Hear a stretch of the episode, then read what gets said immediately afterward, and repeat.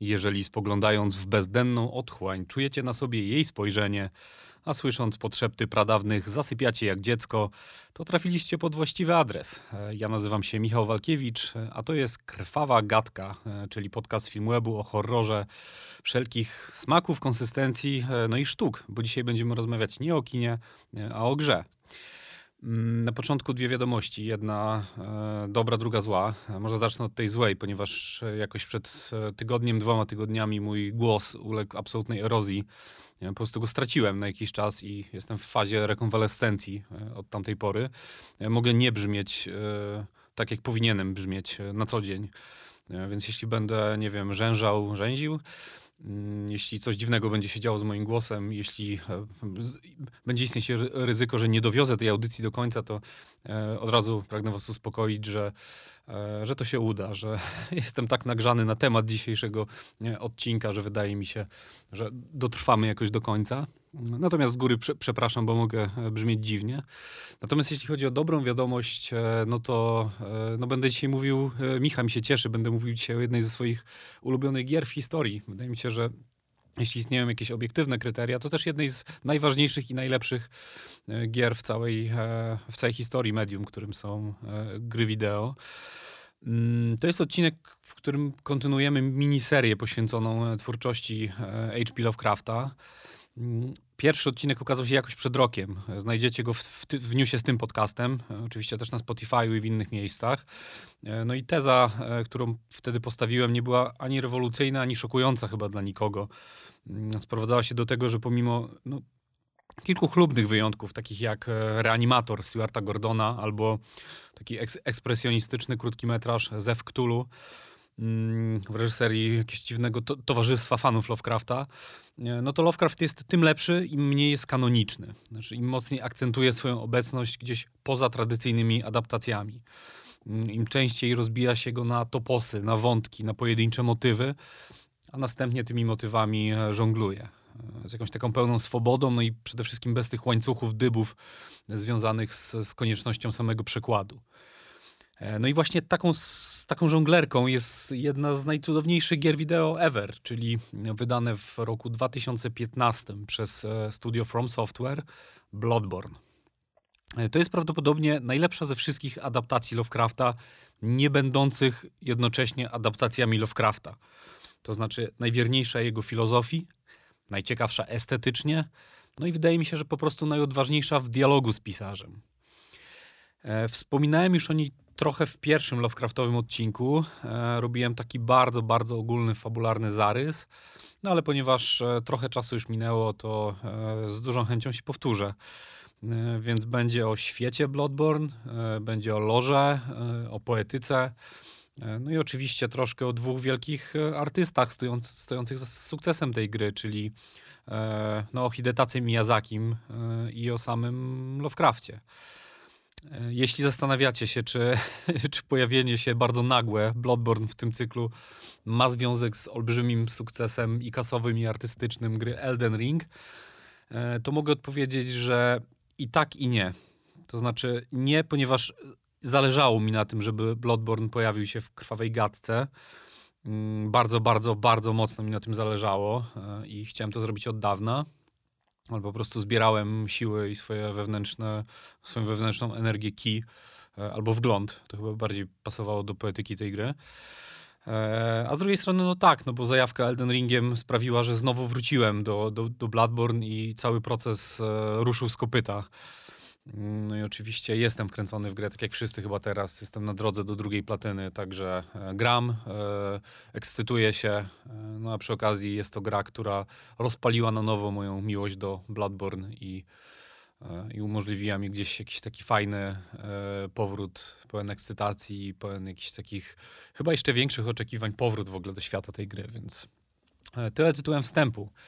E, A teraz już robimy ciach e, i zaczynamy. E, Słuchacie krwawej gadki.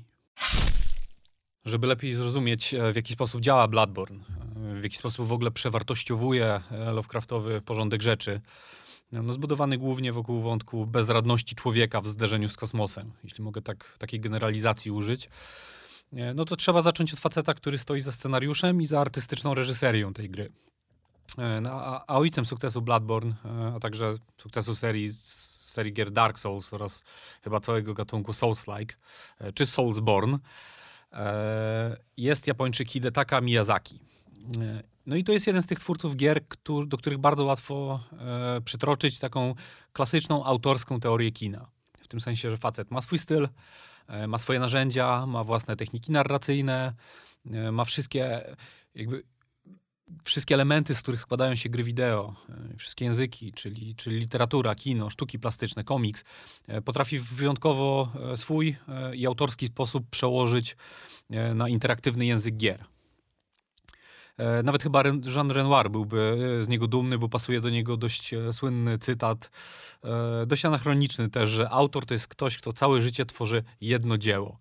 No i Miyazaki, jeśli się grało w jego tytuły, to bez dwóch zdań takim autorem właśnie mm, jest. Swego rodzaju mitem założycielskim twórczości Miyazakiego jest jego fascynacja europejską literaturą fantazy. E, oraz wspomnienia z dzieciństwa związane z, e, z tą fascynacją. Z racji językowych niedostatków e, Miyazaki uwielbiał wypełniać puste pola i wszelkie niejasności fabularne za pomocą własnej wyobraźni. I później konstruować na bazie e, takich, w, w ramach jakichś takich elementarnych założeń narracyjnych własne opowieści. Mm, no i jest to taka konstrukcja, którą przeniósł później do swoich najsłynniejszych gier. E, no bo jeśli, jeśli chodzi o mechanikę i o zasady rozgrywki, no to, to są takie tytuły, które w, w cudzysłowie e, nie prowadzą nas za rękę, tak? Czyli na pozór są wyjątkowo nieprzystępne. Natomiast jeśli, jeśli chodzi o fabułę, o fabułę i tak zwany lore, czyli, czyli świat, czyli uniwersum gry, no to, to są gry, które w żaden sposób nie pomagają nam w, w pracy intelektualnej. Jakby opowiadają wszystko za pomocą samego e, środowiska, co zresztą ma bardzo ładną angielską nazwę, czyli environmental storytelling. Mm, ma to więc granie w te gry i odkrywanie tej fabuły i rekonstruowanie tego świata ma, ma więc troszkę znamiona takiej roboty archeologicznej. W tym sensie, że sami ten, ten świat odnawiamy, sami go rekonstruujemy z, z rozmaitych z, zrębów i skrawków. Z bardzo lakonicznych dialogów na przykład, z opisów przedmiotów, z pozostawianych gdzieś rozsianych po świecie wskazówek. E, no i właśnie z tego powodu jest to zajęcie dość wymagające, e, a z drugiej strony bardzo satysfakcjonujące, no bo jest w definicję takiego, takiej czynności jest wpisane, jest wpisane jakieś wyzwanie, no ale też e, automatycznie jakieś spełnienie. Mm, sprawia to też, że fabuły gier Miyazakiego jak Bloodborne, czy jak Dark Souls, czy, czy Sekiro, teraz Elden Ring, to są fabuły, w których e, e, strefa interpretacji jest bardzo duża, znaczy w których, w których nie, ma, nie, ma, nie ma pewności tak naprawdę co do niektórych wydarzeń, czasem nawet wydarzeń fundamentalnych dla tego, jak ten świat wygląda. Mm, I sprawia to też, że niektóre wydarzenia możemy interpretować sobie sami i oświetlać je sobie z, z dowolnej strony, e, widząc z nich za każdym razem coś innego. Dlatego teraz postaram się wrzucić was w sam środek tego świata jak najlepiej, jak najzręczniej. Natomiast no, muszę tu dodać, że są ludzie, którzy zajmują się takim wrzucaniem w świat gier From Software zawodowo i być może to od nich powinniście zacząć. Mm. E, na przykład jednym z takich e, ludzi jest e, youtuber dość znany, czyli Vatividia, który po pierwsze ma niezwykle aksamitny głos, jest całkowitym przeciwieństwem mojego głosu. E, po drugie ma łeb jak sklep, a po trzecie kocha Soulsy e, szczerą miłością, kocha je jeszcze bardziej niż wy, kocha je jeszcze bardziej niż ja i oczywiście obejmuje to też Bladborna, więc absolutnie zachęcam do sprawdzenia e, twórczości Watiego Vidi. Moje streszczenie fabuły będzie luźno oparte na konstrukcji jego podsumowania. W tym sensie, że trudno sobie troszkę wyobrazić bardziej klarowną strukturę i lepiej ułożoną chronologię wydarzeń. E, także wszelkich zainteresowanych e, bardziej rozbudowanym lorem, piękniejszymi opisami e, zapraszam na jego kanał. Zapraszam też do sprawdzenia Fextra Life, czyli takiego człowieka, który od wielu, wielu lat zajmuje się i Soulsami, i Bloodborne'em i, ma całe strony poświęcone tym, tym grom na Wikipedii. Um, oczywiście głównie mechanice i głównie jakimiś rzeczami związanymi z systemem, ale też fabule i też wszystkiemu, co, co ma związek z lorem. Także to też jest takie miejsce, w które e, możecie się udać, jeśli e, będziecie spragnieni po prostu więcej po tym e, podcaście, czyli w Extra Life i Vatividia gorąco polecam. No i też dziękuję, bo w dużej mierze to są ludzie, którzy odwalili najczarniejszą robotę przy tych grach. E, a ja tymczasem robię ciach, e, no i zapraszam was w krótką podróż śladami szalonych kleryków, dzikich zwierząt i wielu innych samobieżnych glutów oraz najróżniejszych abominacji, które spotkamy w świecie Bloodborne. Także ciach. Akcja Bloodborne rozgrywa się w mieście Jarnam. No i jest to rodzaj miasta, takie tradycyjne, wirtualne miasto osadzone troszkę poza czasem. E, z uwagi na architekturę nasuwa jakieś skojarzenia z gotykiem i trochę z epoką wiktoriańską. E, z uwagi na społeczną władzę kościoła e, nasuwa z kolei skojarzenia ze średniowieczem. Z uwagi na pewne podmioty, instytucje, które istnieją też w tym świecie z oświeceniem, więc tak naprawdę jest to jakiś taki amalgamat, jakiś miks najróżniejszych epok, tak pod względem archi architektonicznym, jak i pod względem, nie wiem, jakichś dominujących filozofii politycznych czy społecznych. E, my wcielamy się w postać e, tropiciela, mm, którego pewnie będę nazywał łowcą w trakcie trwania tego podcastu, bo jakoś naturalnie mi to przychodzi. Natomiast no, oficjalne polskie tłumaczenie to jest słowa hunter, to jest w tym przypadku tropiciel. E, no a nasza przygoda zaczyna się od transfuzji krwi która czyni nas zobligowanym do oczyszczenia miasta Jarnam z szalejących po ulicach bestii, no i z zarazy, które, która zamieniła ludzi, mieszkańców Jarnam właśnie w jakieś takie krwiożercze monstra. E, tak streściłbym Bloodborna komuś, kto w Bloodborna nie grał, albo komuś, kto generalnie w, w, świecie From Software nie porusza się z, jakoś, jako, jakoś swobodnie i, i, nie do końca rozumie, czy nie do końca potrafi uchwycić istoty tych, e, tych gier.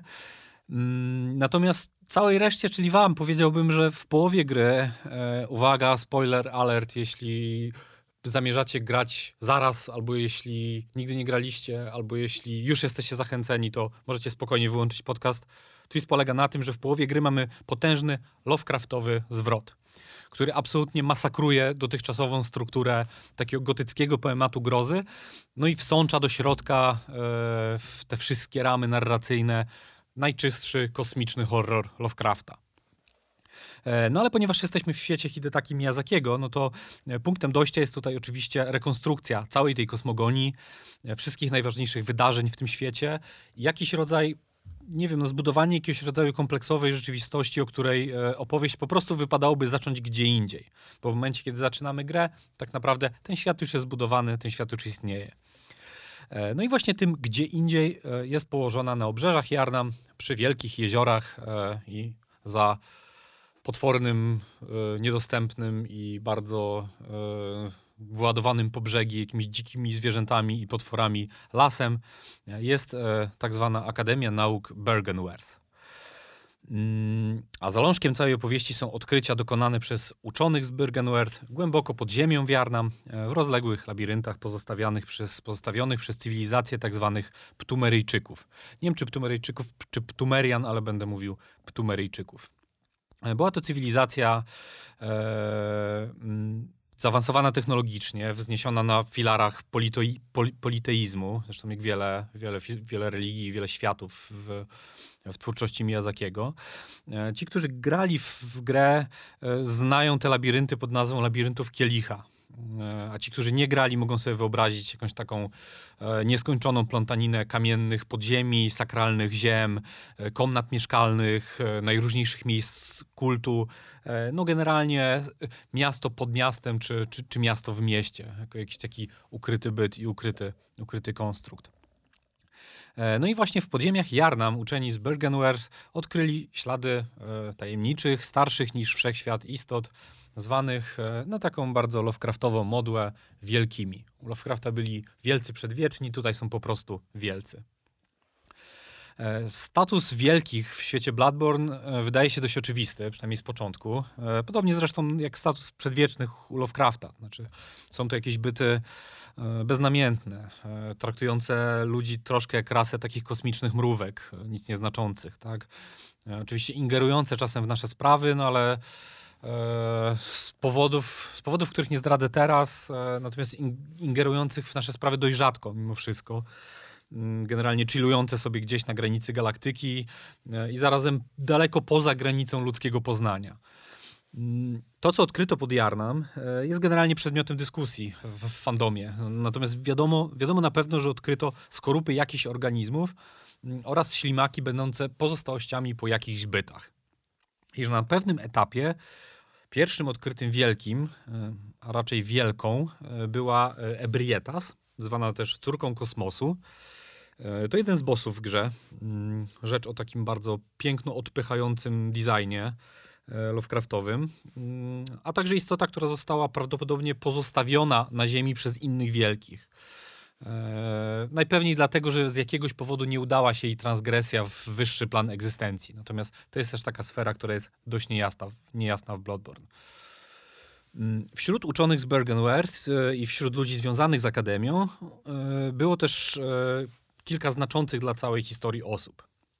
Na przykład Karyl, który wyszkolił się w sztuce tworzenia magicznych run będących tak naprawdę najlepszą możliwą translacją nieprzekładalnego języka wielkich.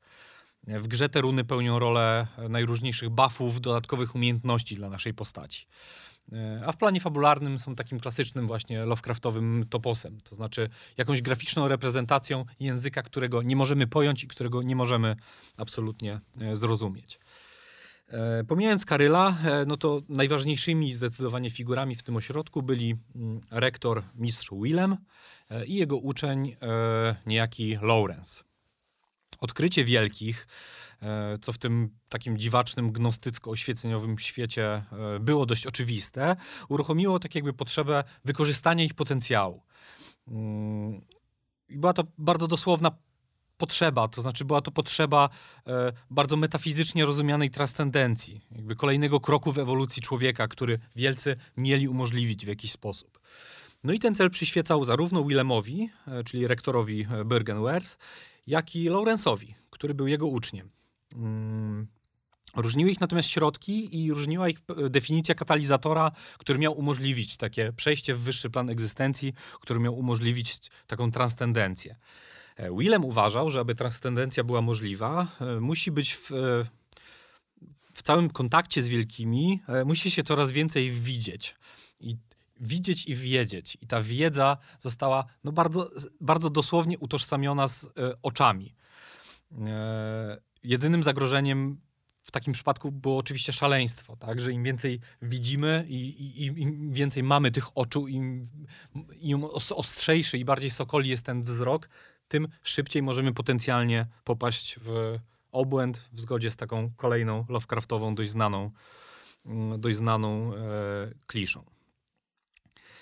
E, była to oczywiście cena, którą Willem był gotów zapłacić e, za, e, za, za transcendencję i za, za jakiś rodzaj akcesu e, w szeregi wielkich, czy po prostu kolejnego kroku w ewolucji człowieka. Lawrence z kolei twierdził, że jedyną drogą do boskości jest krew wielkich. E, która może być poddana obróbce, e, no i po prostu może stać się jakimś, rodzaj, jakimś fundamentem boskiej mocy. Mm, obydwa te katalizatory, czyli i krew, i oczy, e, znajdziecie w grze. tak w planie fabularnym, o którym właśnie powiedziałem, jak i w planie gatunku na przykład, ponieważ toksyczna krew zamieniająca ludzi w, w, w, te wilkołaki, w bestie, symbolizuje oczywiście klasyczny gotycki horror. E, no z kolei oczy zaglądające gdzieś za podszewkę rzeczywistości e, symbolizują horror kosmiczny, horror Lovecraftowski. Mm, to jest tak, że te dwa elementy pojawiają się także w planie po prostu mechaniki, samej rozgrywki, ponieważ krwi używamy w grze do leczenia. Z kolei tak zwany wgląd e, to jest swojego rodzaju miernik naszej wiedzy o przerażającej prawdzie na temat wielkich, na temat świata. E, co ciekawe, wgląd jest wartością liczbową w Bloodborne. E, podnosimy go mm, dostrzegając różne rzeczy, e, na przykład bossów, słysząc różne rzeczy, na przykład jakieś dziwaczne, przerażające odgłosy. A im bardziej jesteśmy ciekawscy, tym więcej mamy wglądu, no i tym szybciej, niczym bohaterowie Lovecrafta, zbliżamy się do tej otchłani szaleństwa. Czyli Mówiąc bardzo krótko, wgląd bardzo dokładnie pokazuje prawdziwą fakturę rzeczywistości. Pokazuje, co kryje się za parawanem i co kryje się za iluzją. A iluzja jest wszystkim, co widzimy, kiedy tego wglądu mamy niewiele. E, mój ulubiony przykład to jest ten, kiedy wychodzimy z e, kościoła, no i w pewnym momencie na dziedzińcu, w pewnym miejscu podnosi nas do góry jakaś niewidzialna siła. E, no jeśli mamy wystarczająco dużo wglądu, e, to okazuje się, że nie jest to żadna siła, tylko jest to jakiś gigantyczny, mackowaty stwór, e, który później okazuje się tak zwaną amigdalą, czyli symboliczną reprezentacją ciała migdałowatego w naszym mózgu. Ciało migdałowate to jest ośrodek, który ze wszystkich emocji odpowiada akurat za strach. Boże, po prostu kocham tę grę. Właśnie kocham tę grę za takie rzeczy. E, Cały konflikt Willema z Lawrence'em jest troszkę ufryzowany na starcie takiej e, laickiej wrażliwości z religijnym fanatyzmem.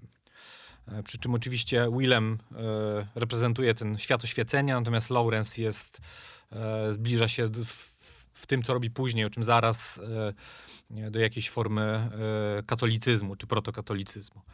E, No i różnica zdań pomiędzy nimi prowadzi oczywiście do, do wielkiej sch- schizmy w Bergenwerth. To znaczy, Willem zostaje na miejscu i próbuje, e, cytując dosłownie, e, upstrzyć swój mózg oczami. Z kolei Lawrence rusza w świat z absolutną wiarą w to, że krew jest mm, drogą do, do transcendencji. No a jednocześnie z takim zapewnieniem, że nie zapomni o maksymie, którą Willem mu wpoił. Jest to maksyma o strachu przed starą krwią, czyli przed krwią wielkich. Chociaż oczywiście wiemy, że ta maksyma nie powstrzyma go przed tym, przed, ani przed niebezpiecznymi eksperymentami, ani przed tym, żeby e, z tej krwi ostatecznie skorzystać. E, W każdym razie Lawrence dociera do Jarna, e, no i wraz z oddaną grupą wyznawców przez lata tworzy tam prawdopodobnie najważniejszą instytucję w świecie Bloodborne, czyli tak zwany Kościół Uzdrowienia.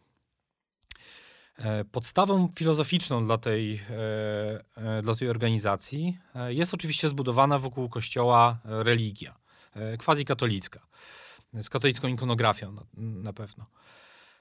Religia, w której najświętszym bóstwem i zarazem najważniejszą relikwią jest krew. A podstawą działania są praktyki lecznicze o bardzo różnej skali, tak, w, której wspomniana stara krew jest aplikowana e, najróżniejszym ludziom w zależności od e, potrzeb, chociaż oczywiście pojawia się sugestia, że, e, że jest to też świat jakichś dużych ekonomicznych dysproporcji, no i oczywiście im lepiej sytuowani są mieszkańcy Jarnam, w, tym, tym, tym lepszy, łatwiejszy mają dostęp do tej, mm, do tej krwi. E, W ramach takiego koła historii, oczywiście losy Jarnam są tutaj e, lustrzanym odbiciem e, losów cywilizacji Ptumerejczyków, czyli, czyli ich miasta Loran, którego władcy też znaleźli krew, też z niej skorzystali, no i też w konsekwencji sprowadzili zagładę na swoją cywilizację. Na początku wszystko oczywiście idzie po myśli Lawrence'a, tak? Krew jest wyjątkowo chodliwym towarem. W szeregi kościoła wstępują ludzie, którzy jeszcze w większym stopniu eksplorują te podziemia, znajdują coraz to nowe ślady bytności i istnienia wielkich, e, no a władza całej organizacji e, błyskawicznie rośnie. E, Lawrence zakłada też grupę tak zwanych znachorów krwi, którzy zajmują się jej aplikacją, dozowaniem. Nie pamiętam jeszcze, czy to jest notka, czy jest opis jednego z przedmiotów. W każdym razie pojawia się też wyraźna sugestia, że w pewnym momencie krew była w Jarnam bardziej pożądaną substancją niż alkohol. Była bardziej uzależniająca, ale też prowadziła do bardziej euforycznych e, stanów. E, Równolegle do e, praktyk związanych ze sprzedażą krwi, uzdrowienia, mm, Kościół wciąż prowadził badania nad różnymi sposobami komunikacji z wielkimi. I to zadanie spoczywało na tak zwanym chórze, czyli organizacji najwyższych rangą kleryków w kościele, którzy w- dużej mierze kontynuowali misję ośrodka w Bergenwerth. Mm, Chór jest to zasugerowane, przynajmniej okej, ja to tak rozumiem. Chór pozostawał w ścisłym kontakcie z pierwszą odnalezioną wielką, czyli z Ebrietas. E, Pojawia się nawet sugestia, że stara krew, której używał Kościół, pochodziła właśnie od Ebrietas. Była z niej Ebrietas, czyli cór- córka kosmosu, była z niej w jakiś sposób drenowana. Mm, Drugim obok chóru odłamem kościoła, który był w tej ko- konstrukcji istotny, e, to była tak zwana szkoła Mensisa, nie, którą dowodził e, kleryk Mikolasz. E, Był to odłam fanatyczny, e, stanowił rodzaj jakiejś takiej e, awangardy, zarówno jeśli chodzi o praktyki kontaktu z wielkimi, mm, jak i o sposoby, sposób działania. Mm, No i bardzo szybko okazało się, że szkoła Mensisa mogła działać niezależnie. Weszła w jakiś rodzaj, weszła na kurs kolizyjny, czy w jakiś rodzaj konfliktu z chórem. W tym działaniu, w absolutnej, w, w ukryciu, w tajemnicy, z dala przed, przed ciekawskim wzrokiem, pomagała im zresztą e, lokalizacja, tak? czyli ponieważ szkoła Mensis miała swoją siedzibę w niewidzialnej wiosce, Jargul, m, która dzięki bardzo, e, bardzo zaawansowanej iluzji, e, podobnie jak wiele elementów tego świata, e, które, które spora ilość wglądu tak naprawdę odsłaniała, no była po prostu ukryta przed, przed ciekawskimi i przed, przed, częściowo także przed kościołem, więc można o, o szkole Mensis o chórze myśleć, myśleć troszkę jako mm, o jakimś takim rodzaju wywiadu kościelnego, natomiast o szkole Mensisa jako odłamie tego wywiadu, który stał się jeszcze bardziej ekstremalny i tak jakby postanowił docisnąć temat wielkich do, do, do absolutnej e, granicy i, mm, i, gdzieś tam wybić się też całkowicie na, e, na niezależność. E, w imię swoich celów członkowie szkoły Mensis oczywiście nie wahali się porywać mieszkańców, przeprowadzać na nich jakichś okrutnych eksperymentów no i generalnie bardzo dobrze się bawić w roli czarnych charakterów. Także podsumowując dotychczasową wiedzę, e, mamy zatem oświeceniowego Willema, który siedzi w Akademii w Bergenwerth. Mamy założony przez Laurensa Kościół Uzdrowienia, a w ramach tego kościoła mamy trzy frakcje. Mamy chór, mamy szkołę Mensisa e, i mamy frakcję łowców, e, czy tropicieli, tak jak powiedziałem na samym początku. Oficjalna nazwa tropicieli, moja nazwa łowców. E, no i właśnie w jednego z tropicieli czy łowców e, wcielamy się jako gracze.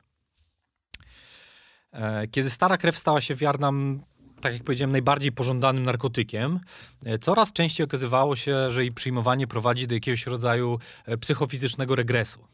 No a w konsekwencji do przemiany w dziką, owładniętą rządzą krwi bestię. I żeby walczyć ze skutkami tej epidemii, Kościół założył tak zwany warsztat, czyli rodzaj, e, no rodzaj po prostu zaawansowanej zbrojowni, a także organizację tropicieli, która rezydowała w tym warsztacie. E, dowodzoną przez e, pierwszego, tak zwanego pierwszego tropiciela, czy pierwszego łowcę, Germana. Celem tropicieli była walka ze skutkami plagi, czyli po prostu no, eliminacja bestii. Z kolei metody były z cyklu skrytobójczo-napadackich, ponieważ no, im więcej dało się załatwić pod osłoną nocy, tym lepiej dla społeczności wiarna.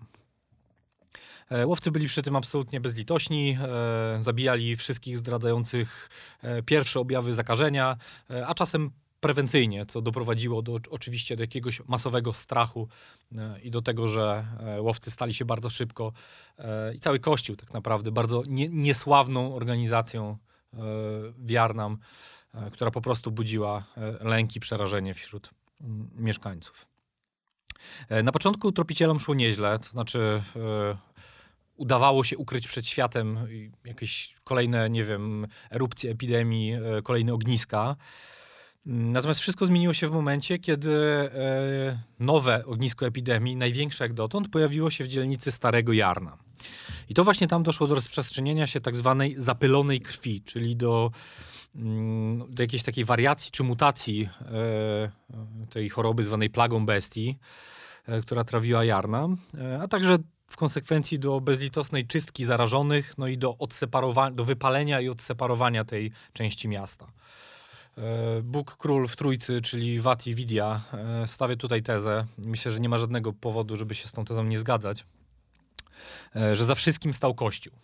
Znaczy, według tej teorii choroba, która rozprzestrzeniła się w, w Starym Jarnam, nie miała tak naprawdę nic wspólnego ze starą krwią wielkich. Była raczej trucizną, którą rozpylono przez, którą Kościół rozpylił, po to, by móc następnie leczyć ocalałych za pomocą starej krwi i jeszcze bardziej poszerzyć jakby swoje wpływy w e, całym Jarnam.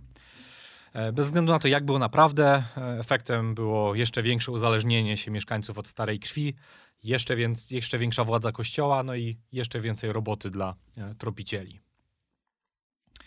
E, no a także to, e, to też było jakąś naturalną konsekwencją, że wiedza zarówno o łowcach, jak i o epidemii stała się po prostu powszechna na ulicach Jarna. Kolejną naturalną rzeczą, która pojawiła się w takim razie w życiu mieszkańców, była tak zwana noc polowania, podczas której tropiciele przemierzali ulice miasta, no i oczyszczali je z gdzieś tam z grasujących w mroku potworów. E, Kościół zamienił wtedy swoje e, tereny w warowną twierdzę, rozwiązał pierwszą organizację łowców, e, a z tej drugiej, oficjalnej, uczynił de facto swoje zbrojne ramię. Na czele nowych łowców, nowych tropicieli stanął Ludwik, który z kolei bardzo szybko zaczął włączać w szeregi w swoje legiony zwykłych obywateli, no i uczynił z nich jakiś taki rodzaj siły pierwszego reagowania w starciu mm, z bestiami. E, jeśli zastanawiacie się, co się działo wtedy w Bergenwerth, no to cóż, no było równie ciekawie, tak? Willem był akurat w środku eksperymentów na swoich studentach, którzy na obecnym etapie przypominali po prostu wielkie insekty pokryte niezliczoną ilością oczu a sam badał z kolei pozostawioną przez wielkich pępowinę. E, to jest jeden z takich kluczowych fabularnych przedmiotów w grze, um umożliwiających kontakt z wielkimi. E, no i być może dzięki tej pępowinie był w stanie przeprowadzić eksperyment, który zaowocował narodzinami pająka Roma. E, Rom jest. Rom, przy Romie jest przymiotnik vacuous z angielskiego, który oznacza, on jest przetłumaczony w oficjalnym tłumaczeniu jako głupi pająk, tak? ale chodzi raczej o pająka, który jest pusty bądź wydrążony. Mm, I zaraz powiem dlaczego. Pająkiem, pająkiem, który ewoluował do formy jakiegoś takiego proto-wielkiego, był prawdopodobnie były student albo jeden z profesorów z Bergenwerth. Mm, no i jest to, jest to istota, która jest troszkę atrapą, fasadą i, stąd ten przymiotnik vacuous. Znaczy to jest, to jest istota, która nie doznała prawdziwej transcendencji, ale zbliżyła się do wielkich na tyle, żeby dzielić z, nim, z nimi niektóre cechy i ich niektóre przymioty. Eee, walka z Romem odbywa się mniej więcej w połowie gry e, i jest pewną cezurą fabularną. To znaczy jest, jest troszkę wspomnianym twistem, który, który objawia przed nami pełnię Lovecrafta w Bloodborne. Ponieważ tutaj znowu wracamy do znaczenia słowa vacuous. E, Rom jest pewnego rodzaju woalem, który nie pozwalał nam dostrzec prawdy o świecie. E, prawdy o tej przerażającej Lovecraftowej rzeczywistości. Natomiast zabicie Roma sprawia, że jesteśmy w stanie dostrzec tę prawdę. E, I możemy to zrobić nawet bez wglądu. E, po prostu zabijając Roma, wszystko co niewidzialne i niesłyszalne znów pojawia się na ulicach Jarna. E, włącznie z siedzibą szkoły Mensisa. Na niebie pojawia się po raz pierwszy krwawy księżyc, który okazuje się emanacją jednego z wielkich zwanych obecnością księżyca. I to właśnie obecność Księżyca, jak się później okazuje, jest odpowiedzialny, czy odpowiedzialna, e, czy odpowiedzialny. E, temat płci w kontekście wielkich to jest, też jest dość zagadkowy. E, no w każdym razie to on, ono, ona odpowiadają za całą intrygę w grze i tak naprawdę za naszą misję, w której od początku bierzemy nieświadomie udział. Do czego za chwilę wrócimy. Willem nie był jedynym, e, jedynym, jedynym, jedynym człowiekiem, który nawiązał wówczas kontakt z wielkimi. E, nawiązał go również Mikolasz, czyli lider szkoły e, Mensisa, czyli jednej z frakcji Kościoła Uzdrowienia. E, on nawiązał kontakt z wielkim zwanym Mergo. No i nawiązał go za pośrednictwem, in, podobnie jak Willem, no ale za pośrednictwem innej pępowiny. Jak się okazuje, wielcy zostawili troszkę tych pępowin na świecie. E, doprowadziło to do odkrycia, że wielcy rezydują w przestrzeni, e, jest pewien, pewien astralny wymiar, w którym można ich spotkać, tak? że rezydują w przestrzeni pomiędzy planami egzystencji, e, w przestrzeni, która jest zwana przez adeptów szkoły Mensisa koszmarami. No i właśnie do jednego z takich koszmarów został wciągnięty Mikolasz. Odwiedzając wspomniany koszmar i pokonując Mikolasza w walce, znajdujemy kolejny puzelek tej układanki. To znaczy pająk Rom tak jak mówiliśmy wcześniej, samym swoim istnieniem ukrywał przed światem pewien prastary rytuał. Jest to rytuał związany z cyklem rozrodczym wielkich. E, Mergo, który wciągnął do swojego koszmaru Mikolasza mm, i z którym w pewnym sensie mierzymy się w kanonicznym, finałowym pojedynku w grze, jest tak naprawdę synem dwóch istot.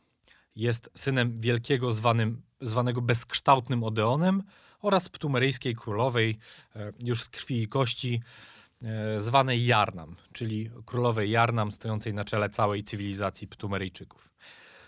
Mm, podobnie jak Odeon, Mergo jest bezkształtny, to znaczy nie ma cielesnej powłoki, e, a ponieważ będąca w ciąży królowa Jarnam poroniła, nie, jest tak naprawdę czymś w rodzaju takiej wszechobecnej świadomości nienamacalnej, ale takiej, która, której obecność wpływa w jakiś sposób na rzeczywistość, której obecność da się po prostu w tym świecie wyczuć.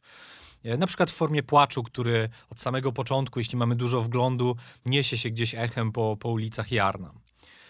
E, zresztą symboliczną reprezentacją Mergo jest w grze pusta kołyska, e, taki nod dla dziecka Rosemary chyba. No i to, tę pustą kołyskę spotykamy praktycznie na samym końcu gry, kiedy kiedy dochodzimy do ostatniej lokacji, wędrując po koszmarze, do którego Mergo wciągnęła Mikolasza. No i tutaj pojawia się chyba najciekawszy twist w ogóle w, w Bloodborne, stojący tak naprawdę w opozycji do, do tej Lovecraftowej wizji świata, o której powiem za, za parę chwil. To znaczy, okazuje się, że wielcy nie mogą się rozmnażać, że ich potomstwo jest skazane na śmierć w łonie.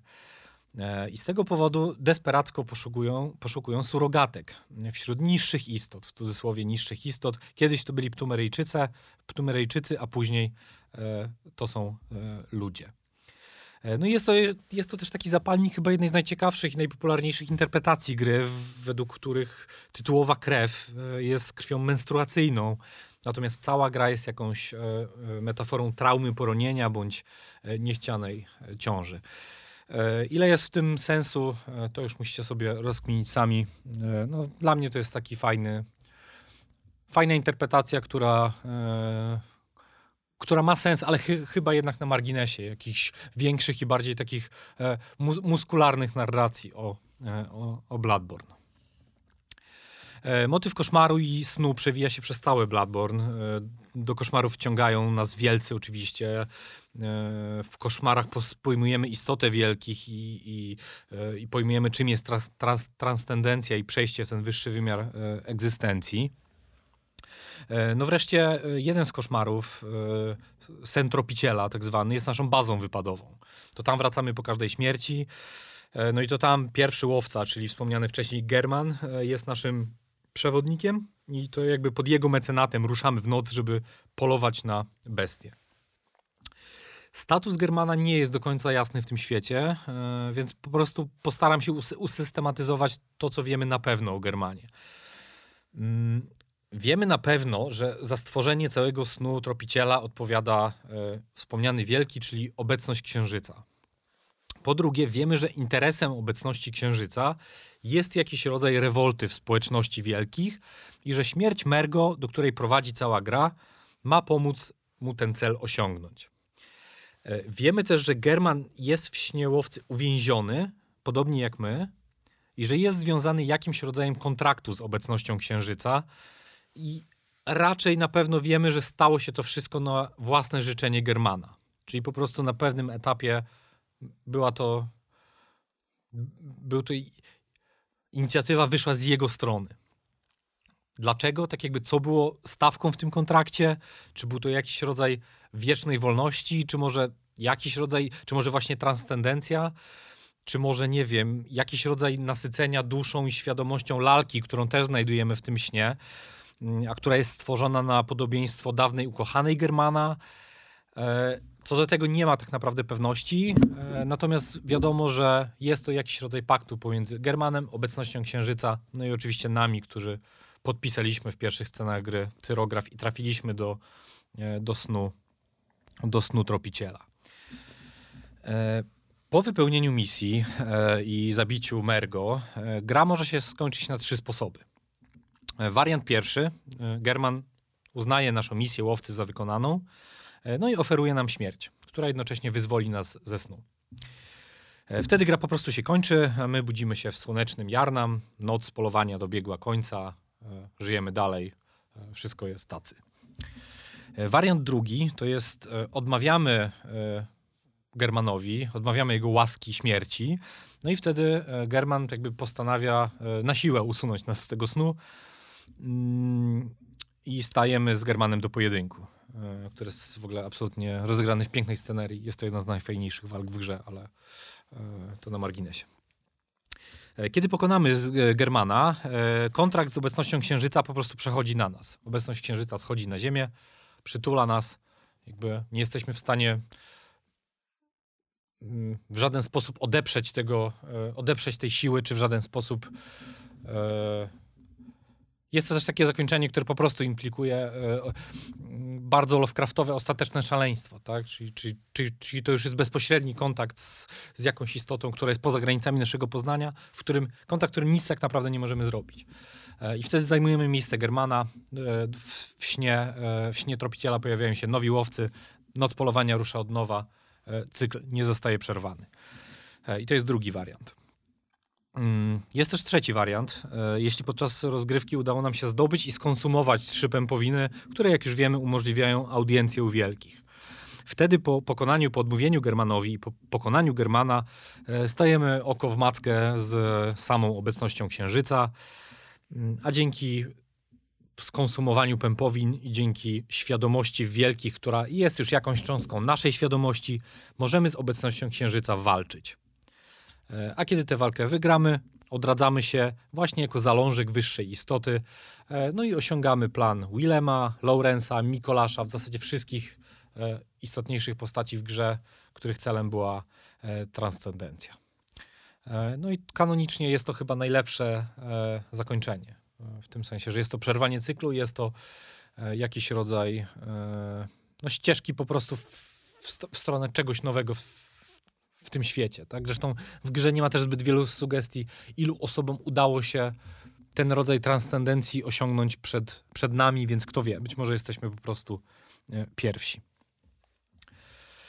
E, czas na ciach chyba i za chwilę e, jeszcze kilka e, rzeczy o Bloodborne. E, ale chociaż, słuchajcie, chociaż trudno w to wierzyć komuś chyba, kto nigdy nie miał styczności z serią Souls lub z Bloodborne'em, E, przez ostatnie 20 minut słuchaliście dość pobieżnego streszczenia fabuły. Także ciach i ruszamy dalej. Tak jak powiedziałem, e, był to zaledwie szkielet. E, z kolei mięchem w ogóle w tej grze są no przede wszystkim kapitalne opowieści o postaciach drugoplanowych, o bossach, mnóstwo jakichś fantastycznych takich mini, mini narracji splatających się w większe całości. No i po prostu, no to jest Bloodborne, to jest kawał świetnej literatury z której możemy sobie wyczytywać losy jarnam, wielkich, łowców, postaci istotnych, mniej istotnych i tak dalej. Mm, natomiast to co, mnie, to, to, co mnie interesuje w kontekście tej, tej opowieści, w kontekście Lovecrafta, mm, no to wydaje mi się, że ta gra wchodzi z Lovecraftem w jakiś, w jakiś taki rodzaj dialogu, który, który po prostu rzadko widziałem, czy w adaptacjach filmowych, e, czy w, e, w jakichś hołdach literackich, e, czy w grach wideo, które przecież historia ich romansu z Lovecraftem też nie jest, nie jest krótka i ofituje w kilka naprawdę ciekawych tytułów. Natomiast wydaje mi się, że Bloodborne jest ciekawe nie tylko z tego powodu, że jest hołdem dla twórczości Lovecrafta, że korzysta z jego ulubionych motywów w rodzaju bohatera z zewnątrz, jakiejś zamkniętej społeczności, e, a także wglądu, o którym sporo powiedziałem.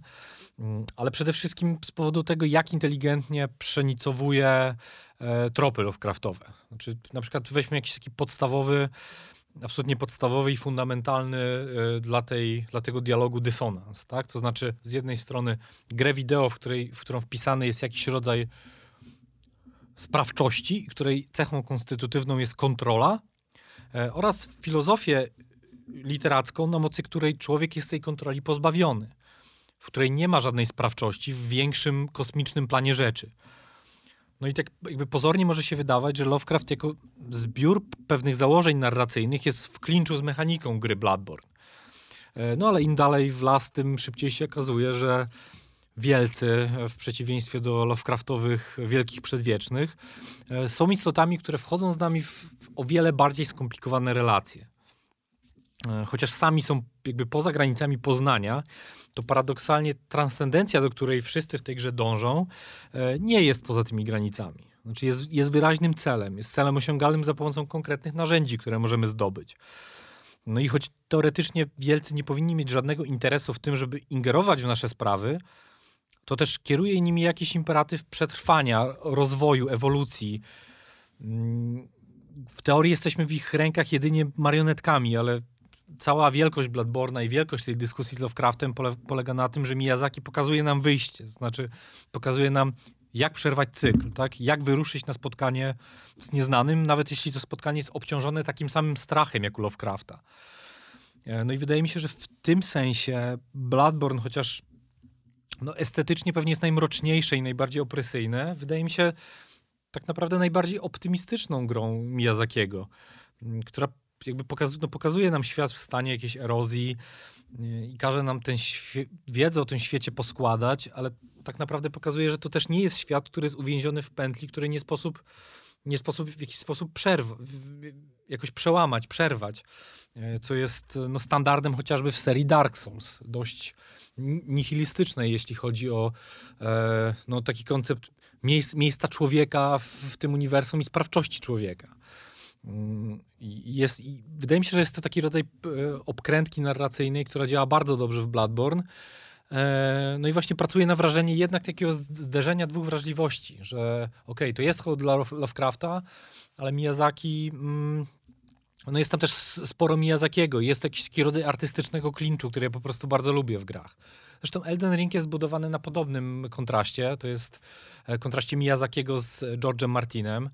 E, Miyazakiego operującego skrótem, elipsą, niedopowiedzeniem, e, szkicującego swój świat, ale tak naprawdę nie do końca wypełniającego go tuszem. Natomiast no, George Martin to jest klasyczne fantazy, szczegół, konkret, polityczne intrygi i tak dalej. No i w Elden Ringu też dochodzi do tego rodzaju zderzenia, chociaż no, wydaje mi się, że Lovecraft jest po prostu ciekawszą figurą, z którą można się zderzać niż e, George R.R. E, Martin. No ale to już jest kwestia osobistych e, preferencji. Natomiast bardzo, bardzo lubię tą, ten rodzaj podejścia w ogóle do, e, do dialogu, do jakiegoś rodzaju dialogu artystycznego po prostu z, z, czy z legendarnymi twórcami, czy z kimś, kto, kto po prostu ma wyrazisty, wyraziste światy, autorską filozofię i swój język. I Miyazaki, Miyazaki po prostu uwielbia w ten sposób dialog, prowadzić dialog i prowadzi to do naprawdę też fajnych, e, fajnych efektów mm, w jego grach.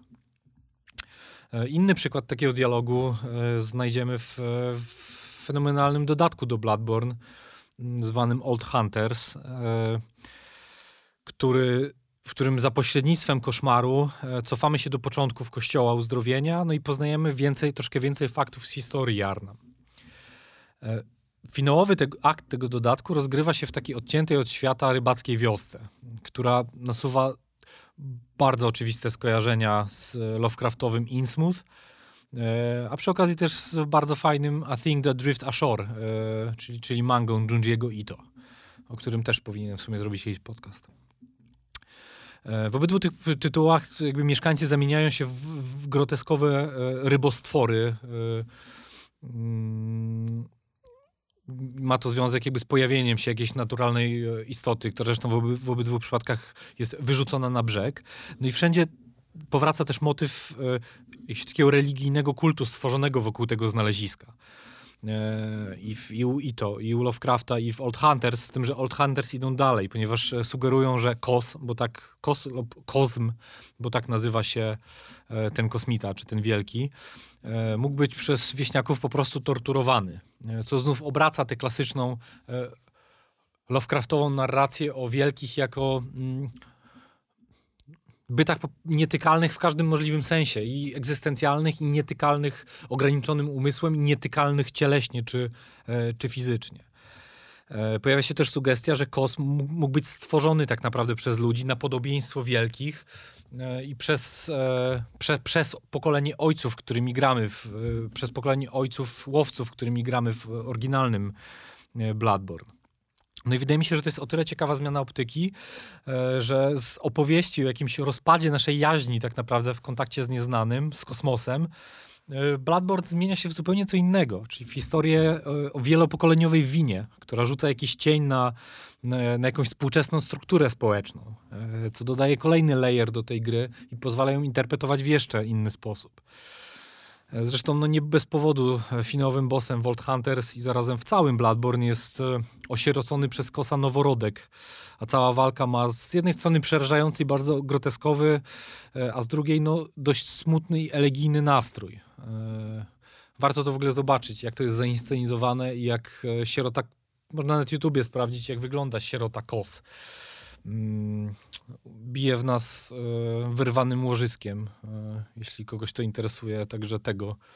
E, natomiast no jest to taka rzecz, w której też bardzo najróżniejsze żywioły estetyczne się łączą. Nie? No bo to jest i groteska, i jakiś rodzaj takiego elegijnego nastroju, i Lovecraft, i jakiś rodzaj przenicowania Lovecrafta przez, przez poetykę wiktoriańskiego horroru, więc E, jest tam mnóstwo jakichś takich połączeń, które po prostu fenomenalnie działają na, e, na każdym poziomie i łączą mechanikę z gameplayem, z estetyką, z filozofią Miyazakiego, z filozofią Lovecrafta. Eee, absolutnie fantastyczna, e, cudowna gra. W ogóle jeśli spojrzycie na Bloodborne, to się okaże, że całe, całe właściwie składa się z podobnych furtek. Znaczy polega na odtwarzaniu pewnych narracyjnych struktur, głównie z Lovecrafta, ale nie tylko, następnie, a, a następnie z wpuszczania przez te furtki powietrza, tak?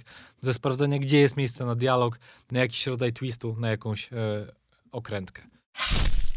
Uf, e, jak to wszystko podsumować? E, No chyba tylko tak, że e, gorąco zachęcam was do tego, żebyście dali Bloodborne'owi e, szansę. E, Raczej to nie będzie ciężka przeprawa. Gra wygląda cały czas bardzo dobrze. E, Rusza się może troszkę gorzej, bo jeśli mówimy o tak przyziemnych rzeczach jak animacja czy, czy płynność, to bywa z tym różnie nawet na najnowszych konsolach.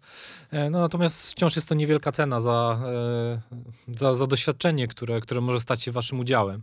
E, Jeśli kochacie horror, jeśli kochacie Lovecrafta, e, jeśli kochacie Miyazakiego, e, a zwłaszcza jeśli kochacie wszystkie te trzy rzeczy naraz, e, to jest to pozycja absolutnie obowiązkowa. E, No i taka podróż, z której, e, chyba z której nigdy nie wrócicie, którą będziecie się ekscytować przez lata, e, tak jak ja. Mm, Słuchajcie, w miniserii Lovecraftowej czeka nas jeszcze jeden odcinek. E, Mam nadzieję, że, będziecie że nie będziecie czekać na niego tak długo jak na drugi, ale mm, że, uda mi się go nagrać jakoś e, szybciej. Natomiast nic nie obiecuję tradycyjnie nic nie zapowiadam, e, bo sa, sam nie wiem, dokąd mnie te horrorowe ścieżki i szlaki zaprowadzą za dwa bądź za trzy tygodnie. Dzięki wielkie. Mówił do Was Michał Walkiewicz, a wysłuchaliście Krwawej Gadki. Cześć.